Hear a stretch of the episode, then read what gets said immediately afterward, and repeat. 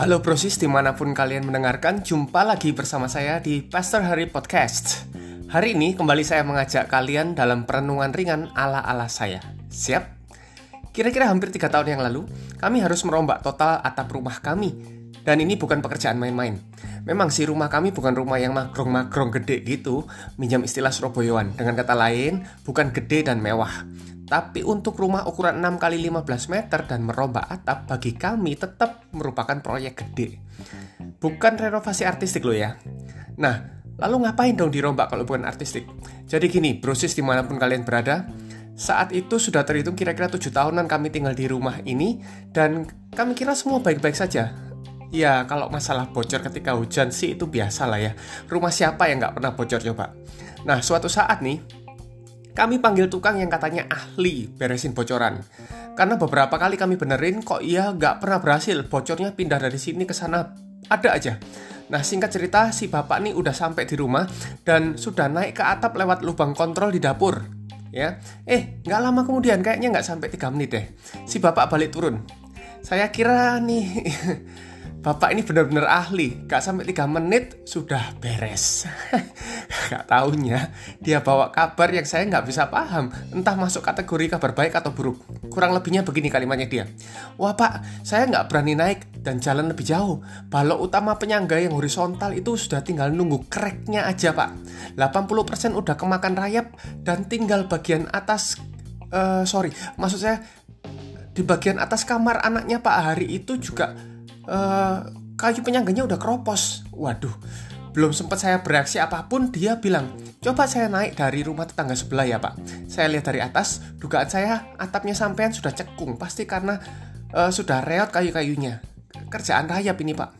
Dan ternyata beneran, hari itu terdiagnosislah hampir semua kayu-kayu di rumah dimakan rayap dari dalam. Singkat cerita, mau gak mau, uh, proses di mana kalian berada, semua perkayuan di rumah dibuang.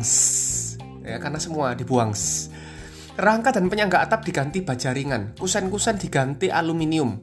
Uh, bayangin, jika keadaan ini nggak terdeteksi, runyamnya akan lebih dari sekedar cepet-cepetan cari ember tadah bocor kalau waktunya hujan.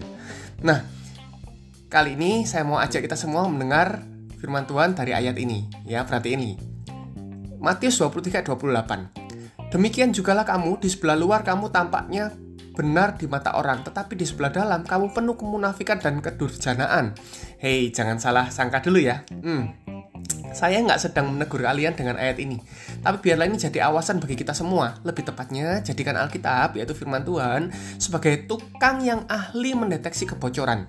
Selama kita tidak mengundang si tukang, maka kita tidak akan tahu apa yang salah dengan rumah kita.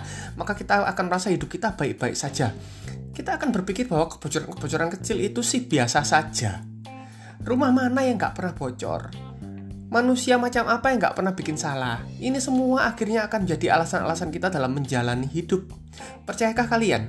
Kalau saya katakan bahwa kebocoran-kebocoran di rumah saya ini justru penyumbang keberadaan koloni rayap.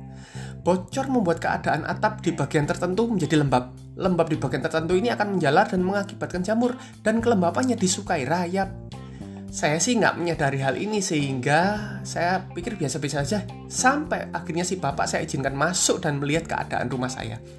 Mungkin kita tidak menyadari, mungkin kita tidak menyadari, sekali lagi mungkin kita tidak menyadari bahwa ada banyak kebocoran kecil dalam hidup kita yang akhirnya mengarah pada satu kerusakan besar dalam kerohanian yang berdampak pada dunia fisik.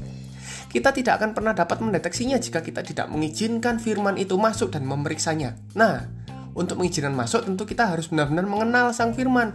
Gimana kita bisa mengenalnya kalau kita nggak pernah tahu atau nggak pernah mau tahu tentang firman? Mungkin ini saatnya kita kembali menghubungi dia, mengenal dia, dan meminta dia mengoreksi hidup kita sebelum rumah kita ambruk. Apa pun yang dia katakan dan dia minta untuk kita responi, lakukan saja. Seperti saya meresponi si bapak, mengundang si bapak dan meresponi si bapak, sekalipun ada harga bayar yang cukup besar, semuanya tergantung pada kita. Ya, kita berdoa yuk. Tuhan Yesus, terima kasih buat perenungan hari ini. Periksalah hidup kami melalui deteksi firman-Mu ya Tuhan. Kami mengundang-Mu untuk masuk dalam rumah kami dan memberitahu kami apa yang harus kami lakukan. Tolonglah kami Tuhan, kami perlu Engkau. Dalam nama Yesus berkati setiap orang yang mendengar pada hari ini. Amin.